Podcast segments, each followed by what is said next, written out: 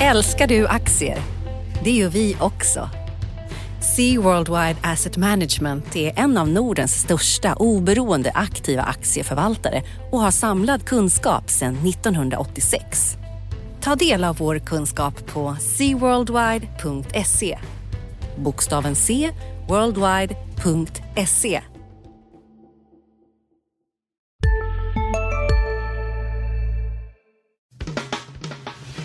Analyspodden från Dagens Industri. Hej allihopa och välkommen till veckans avsnitt av Dagens Industris analyspodd som analysredaktionen gör. Idag är det jag som sitter på ena sidan mikrofonen, Ulf Pettersson heter jag och mitt emot mig har jag Agneta Jönsson. Eh, god förmiddag Agneta. God förmiddag Ulf. Ännu en händelserik vecka är till ända. Eh, vi var på eh, stora, vår stora börsdag här i torsdags och pratade om börsen, du och jag eh, bland annat. Och eh, Magdalena Andersson var där och pratade om, om eh, Sveriges finanser.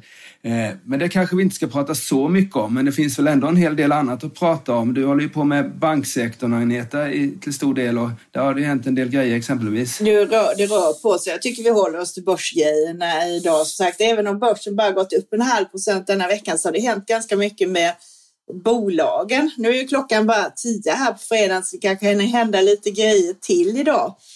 Eh, men tittar man på mina grejer här så kom det ju i början av veckan här ett omarbetat förslag på den här bankskatten som eh, Magdalena Andersson föreslog i höstas som fick backning då på en massa instanser.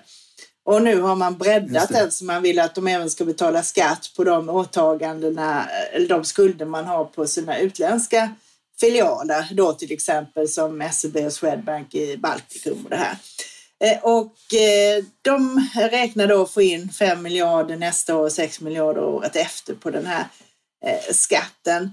Det är liksom inga, det är inga jättebelopp och det påverkar inte bankerna så mycket. Men det ställde till lite oreda när det här kom och när Bloomberg skrev om det. För investerarna gillar inte det här riktigt. Nej, det är ju 5 miljarder bort i vinst så att säga och P 10 på det så är det ändå 50 miljarder i, i börsvärde egentligen om det är varaktigt väl. Och sedan så är det ju också intresseorganisationen Bankföreningen. De hävdar ju att det är emot EU-bestämmelserna. För det är ju att missgynna konkurrensen relativt utländska banker också. Så att det är frågan om det här blir av. Och plus att både Finansinspektionen och Riksgälden tycker det är en dålig idé. Precis. Eh, men det är inte bara det. Det har varit en del, eh, ganska mycket får man väl säga, aktieförsäljning också i, i banksektorn här. Eh, vi har haft Nordnet och Nordic Capital och, och Sampo och Nordea här som har gjort stora, stora placings. Precis. I tisdags eh, så sålde ju Sampo 162 000 aktier så de eh, minskade sin ägarandel ytterligare och kröp ner. Alltså nu ligger de på 12 procent. De sålde i november och hade då så att säga en lock-up som man inte fick sälja inom ett halvår. Så nu var de här fria att sälja igen. Sampo har ju sagt att man ska mm. göra sig av med Nordea för de ska inrikta sig mer på sakförsäkringar framöver. Så det är ju inga konstigheter. Och den här posten som man sålde mm. nu sålde man med en rabatt på 3,2 procent motsvarande 86 eh, kronor. Eh, och det hände inte så mycket med kursen precis. utan eh, de tappade 0,4 precis som börsen egentligen. Så att eh, det gick obemärkt förbi. Ja, ja, de klarade sig Nordea klarade sig bättre än de andra bankerna den börsdagen. Alltså trots att det såldes med lite rabatt då, att Sampo sålde med rabatt, så tror jag SEB och Handelsbanken och Swedbank gick ner lite mer den där dagen. Så det var väl lite, lite märkligt, eller? Ja, sen tror jag att eh, man, man har vetat om det här så det har legat i Nordeas kurs. Det här har legat lite som en våt mm. filt över kursen att det här ska komma i och med att man sagt att man ska ur Nordea inom 18 månader. Eh, och det som mm. jag tror händer nu är att eh, det här passar väldigt så bra i storleksmässigt på vad Nordeas återköpsmandat som man fick på stämman. Nordea fick nämligen lov då utav styrelsen att köpa tillbaka max 500 miljoner aktier. Eh, och eh, nu minskade Sampo så de kom ner till 481 000 aktier. Och jag tror att en mycket trolig affär är att när ECB släpper på de här utdelningsstoppen och återköpsstoppen i höst så kommer Nordea att köpa Sampos aktier och på det sättet så blir det bra för bägge två så att säga. Sampo kommer ur på ett bra sätt och Nordea minskar antalet aktier och det är bra för Nordeas aktieägare för de får mindre aktier att dela vinsten på. Just det. Och det där, det, klart, det kanske blir en, eh, ska vi säga, en juridisk fråga, men får man göra sådana riktade riktade aktieköp? Om man, man gör det på ett sådant sätt och att det är till en kurs så ingen eh, missgynnas och sådär. Så att det finns ju regler mm. att sköta, men eh, det går att göra på det sättet. Mm. Ja, sen vet jag faktiskt inte någon som har gjort eh, något sådant i den storleksordningen, men det går ju bra att göra åt andra hållet. Du får ju sälja aktier till en enskild aktör så borde du kunna få köpa också. Mm, det tycker man. Men tycker eh, du, ska inte stämma, du ska inte stämma mig om jag har fel, men jag har hört de som är bättre bevandrade som har sagt det är en möjlig affär också. Ja, ja vi, får, vi får kolla det med aktiemarknadsnämnden eller något sånt där. Om det, om det sker. Det får se. Och det skulle väl ske då, eh, när, skulle, när släpper EU på sina regler kan man förvänta sig här? Är det i höst någon gång då? Eller? Det är i höst. Eh, man har sagt att man eh, tänker släppa på det här första oktober om det inte händer några mm. stora förändringar med tanke på pandemin och det här. Och sen har ju Sevi har faktiskt ökat lite. De köpte ju ytterligare för en miljard i Nordea-aktier eh, veckan. Så att eh, det känns ju som Eh, de tror fortfarande på det här spåret i alla fall. Ja, och tar man liksom, jämför man Nordea med de andra storbankerna så är Nordea den som tillsammans med SEB kanske som har gått bäst i år och har så att säga det här de här problemen som Nordea hade under många år, att de hade alldeles för låg eh, eh, eh intäktstillväxt och det var liksom inte fokus på, på liksom verksamheten utan bara på massvis av eh, internt arbete med penningtvätt och annat, så känns det ändå som att Nordea kanske är den piggaste av de fyra bankerna nu, eller tillhör de piggare i alla fall efter att ha varit väldigt opiggt under ett antal år. Eller håller du med mig om, om den där lilla spaningen? Absolut, och det känns ju som eh, Frank Wang Jensen har fått ordning på den här jätteskutan så att man ser nu att man eh, kostnaderna i relation till intäkterna är på väg ner och målet är att ligga på 50. Det tror jag absolut att man kommer klara. Och då också målet att höja avkastningen på eget kapital så den ska över 10 och där har det också legat nu i närtid. Sen är det så att du får ju en enorm hävstång.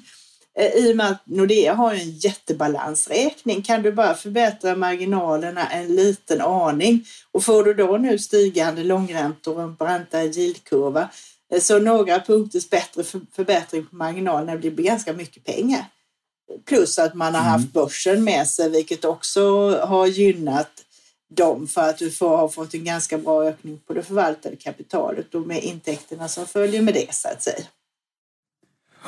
Eh, när vi satt i, i, i börsdagen här så, så eh, ventilerade jag frågan att nu har de ju skurit kostnader och Nordea är på väg då efter att ha haft väldigt höga kostnader eh, under ett antal år här. Men, men med tanke på den, den digitaliseringskraft som har hänt i och med coronapandemin här, alltså vi hade ju en stark digitaliseringstrend inom finanssektorn redan innan, men den har ju bara förstärkts för man har ju liksom inte vågat besöka några bankkontor här liksom av, av liksom pandemismittoskäl här. Tror du tror vi kommer få se väldigt stora, säg tre, fyra, fem år bort kommer så att säga det halveras igen, bankkontoren? Eller vad, vad, kommer, vad, kommer, vad kommer de stora universalbankerna göra, tror du? Eller, vad, eller kommer de tappa så mycket kunder då om de tar bort sina äh, ännu mer kontor? Eller hur tror du de resonerar? Det är ju inte den som har störst kontorsnät precis, precis, utan det är ju fortfarande Handelsbanken. Men jag tror att det kommer att minska där.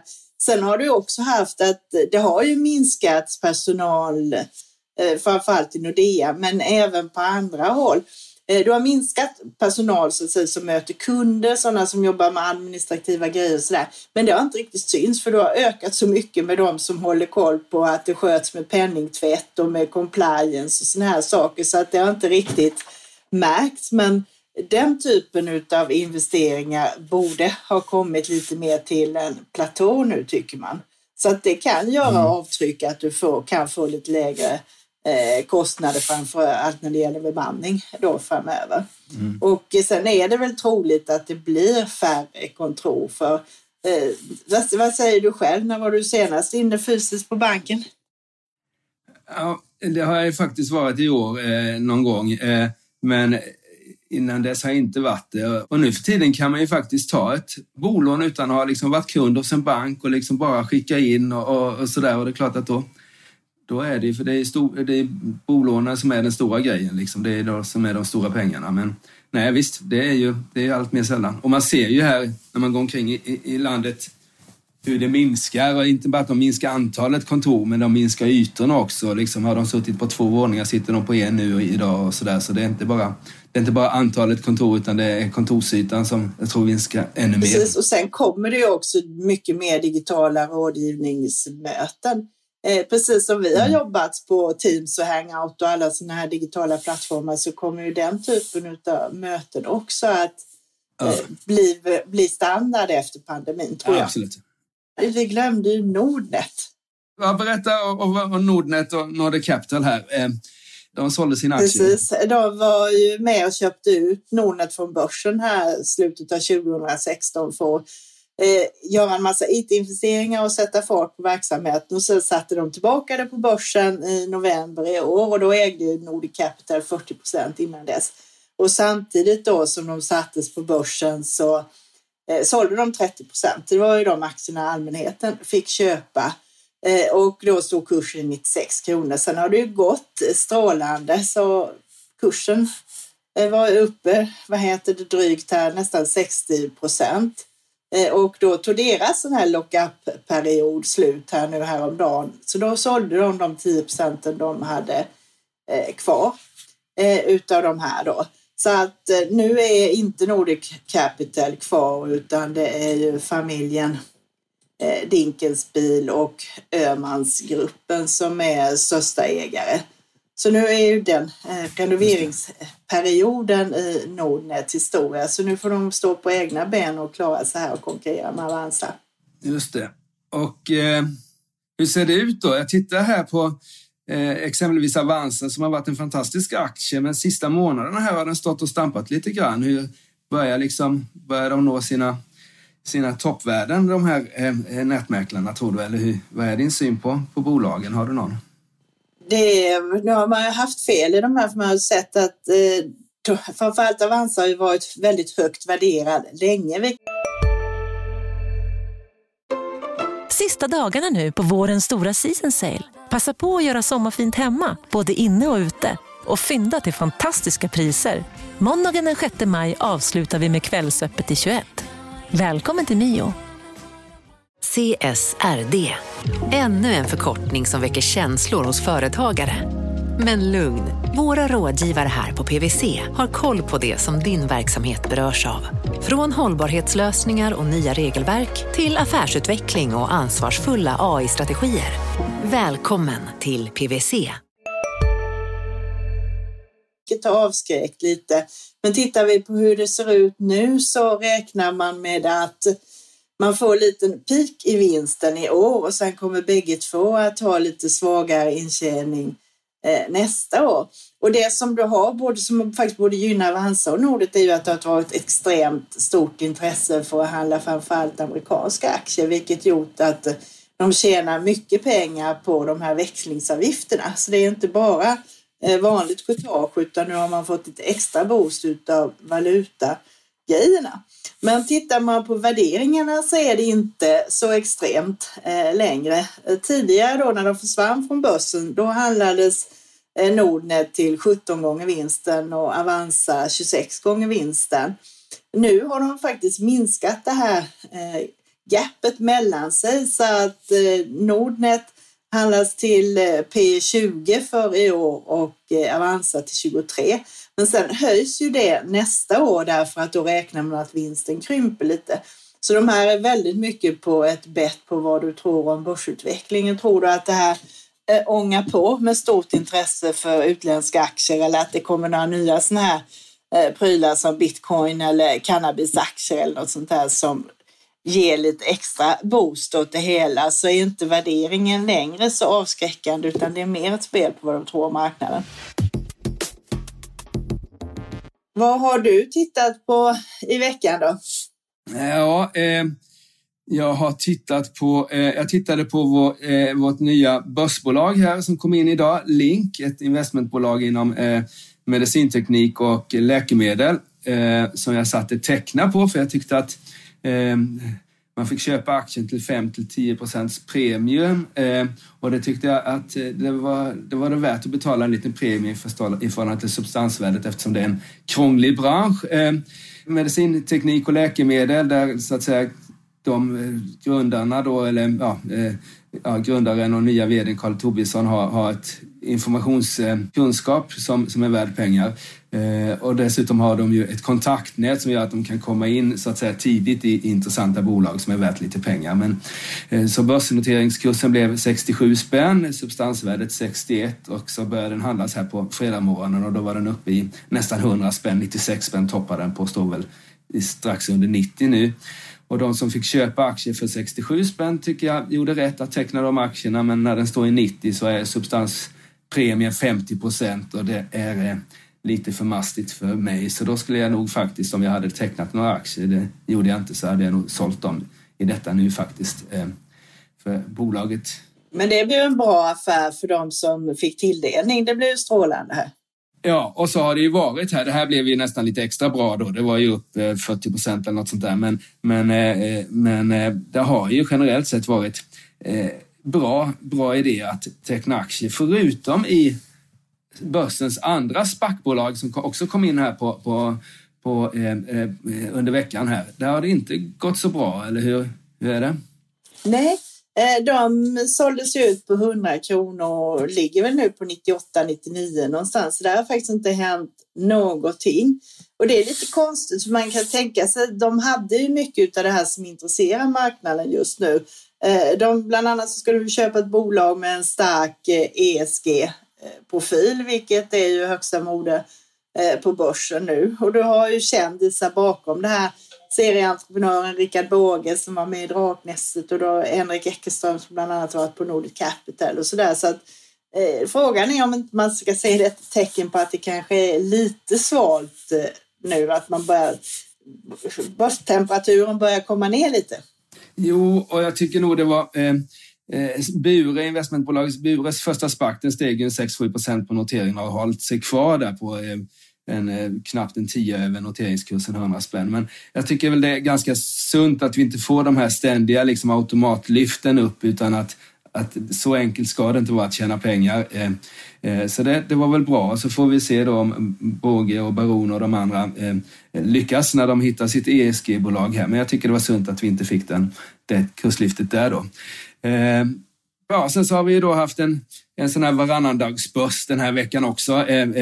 Upp en procent och sen nästa dag ner en procent och sådär. Och där, vi står ju där och, och stampar just nu och då, vad är det som kommer avgöra Eh, börsutvecklingen kommande, ja, över sommaren tror du liksom? Vad är det som gör att vi kan, kan gå ner eller eventuellt gå upp då? Eh, vad är det du kommer titta på? Jag tror att det fortsätter. Precis, jag skrev lite det här också om att eh, det kan vara läge att ta hem lite vinster och vara lite likvid för att det är ganska ansträngt. Vi är inne i en konsolidering nu och har rört oss sidledes upp och ner med ganska stora kast för enskilda dagar här sedan toppen var här 19 april. Och det gör ju att när det är ett sånt här läge, det behöver ju inte bli något ras. Det kan fortsätta att vara eh, tråkigt ett tag, men om det skulle hända någonting oförutsett så går det ganska snabbt och då hinner man inte med. Det har vi ju sett förut. Så att ställa sig lite vid sidledes. Sen tror jag att vi kommer att traggla på här tills eh, rapporter och sådant börjar komma in igen så vi får lite ny näring. Plus att man tittar ju supernoga på vad som händer i USA med inflationsdiskussion och vad som händer med tioåringen och när eh, Fed kan tänkas börja krympa sina stödköp av obligationer så att säga. Precis, och det var ju nästan en sån här radioövergång då till vad som händer nästa vecka. För där har vi ju en del då viktiga makrodata som Fed kommer titta noggrant på och börsen kommer titta ännu mer noggrant på. Vi har ju massvis av inköpschefsindex från hela världen och så har vi då arbets, eh, arbetskraftsdata då, det är första, månad, första veckan i månaden och då är det mycket, mycket, mycket makrostatistik och framförallt är det väl eh, sysselsättningsstatistiken lite längre fram i nästa vecka som är intressant, Agneta. Ja, det är ju på fredagen som är den här stora viktigaste, liksom månadens viktigaste statistikdag när det kommer då Eh, antal nya jobb i USA. Det kommer ju alltid så första fredagen varje månad och då väntar man sig 750 000. Förra gången så var det 226 000, vilket var lite och då blev man väldigt besviken på det där. Men innan dess så har vi ju en hel del eh, rapporter också och plus att det är indexförändringar som kickar in. Det kan man väl bara säga också inom parentes att Stockholmbörsen ändrar sina index här två gånger om året, första juni en dag. Och då har man gjort så här, förvaltarna anpassar sig innan då, så bolag som har kommit in, eh, som bland annat då Hemnet och Nordnet, eh, som kommer in i det här benchmark-indexet OMXSB, plus att de här kommer in i det här VIX, VINX, det nordiska indexet också. Då köper man på sig innan, vilket har bidragit till att kursen går upp lite. Samtidigt då som aktier som åker ut ur index eh, tappar. Och där har vi till exempel Academedia och Attendo och Betsson som åker ut. Och då kan de ha gått ner lite onödigt mycket. Så är man intresserad av dem så kan det vara eh, kanske lite läge att plocka upp i början av nästa vecka. Ja. Och så kan man... Kanske dock inte Hemnet då som inte är jättebilliga om man säger så. Nej, just det. Det har du rätt Nej, precis. Det har vi. Och sen så har vi faktiskt lite rapporter också. Ehm, vi får Hemnet eh, på måndag, men det är väl ett, det är väl ett vanligt, det är sista dagen att rapportera om man har, har så att säga kalenderår då för Q1 här två månader efter utgången av första kvartalet. Så de kommer precis in sista dagen och sen så börjar ju då de här eh, med eh, brutna räkenskap så ramla in. Vi hade ju redan en omvänd vinstvarning idag fredag från Systemair då. Ehm, men nästa vecka kommer Sectra, ehm, medicinteknikbolaget Sectra med rapport och Clas Olsson, eh, detaljhandelsfirman eh, Clas Olsson kommer med rapporter här eftersom de har brutna räkenskapsår.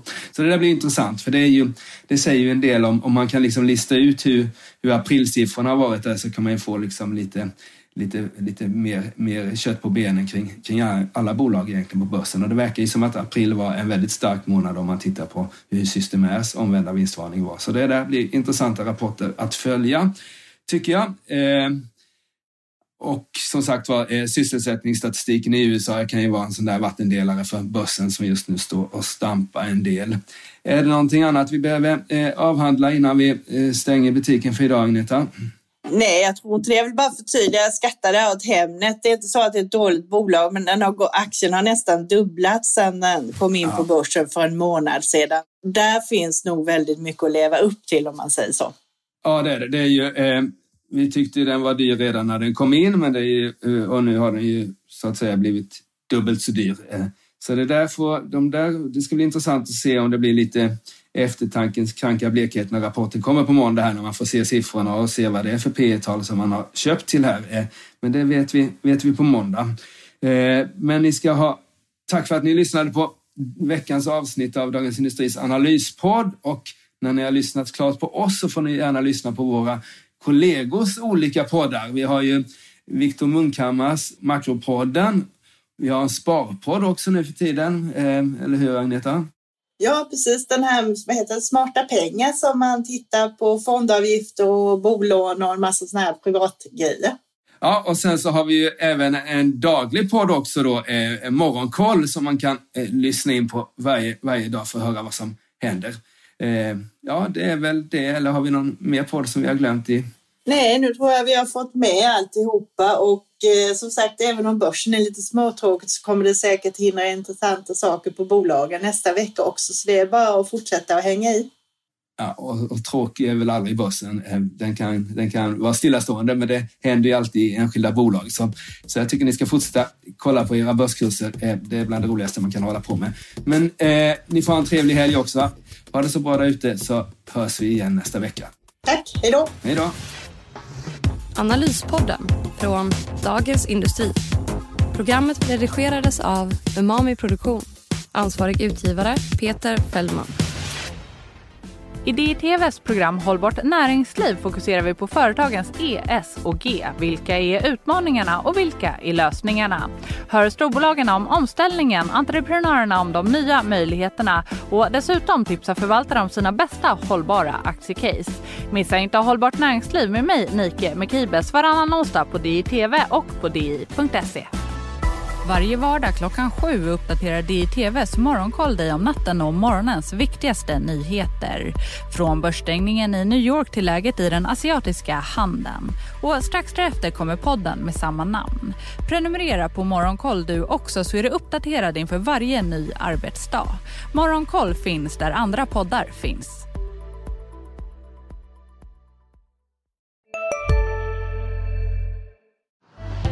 Älskar du aktier?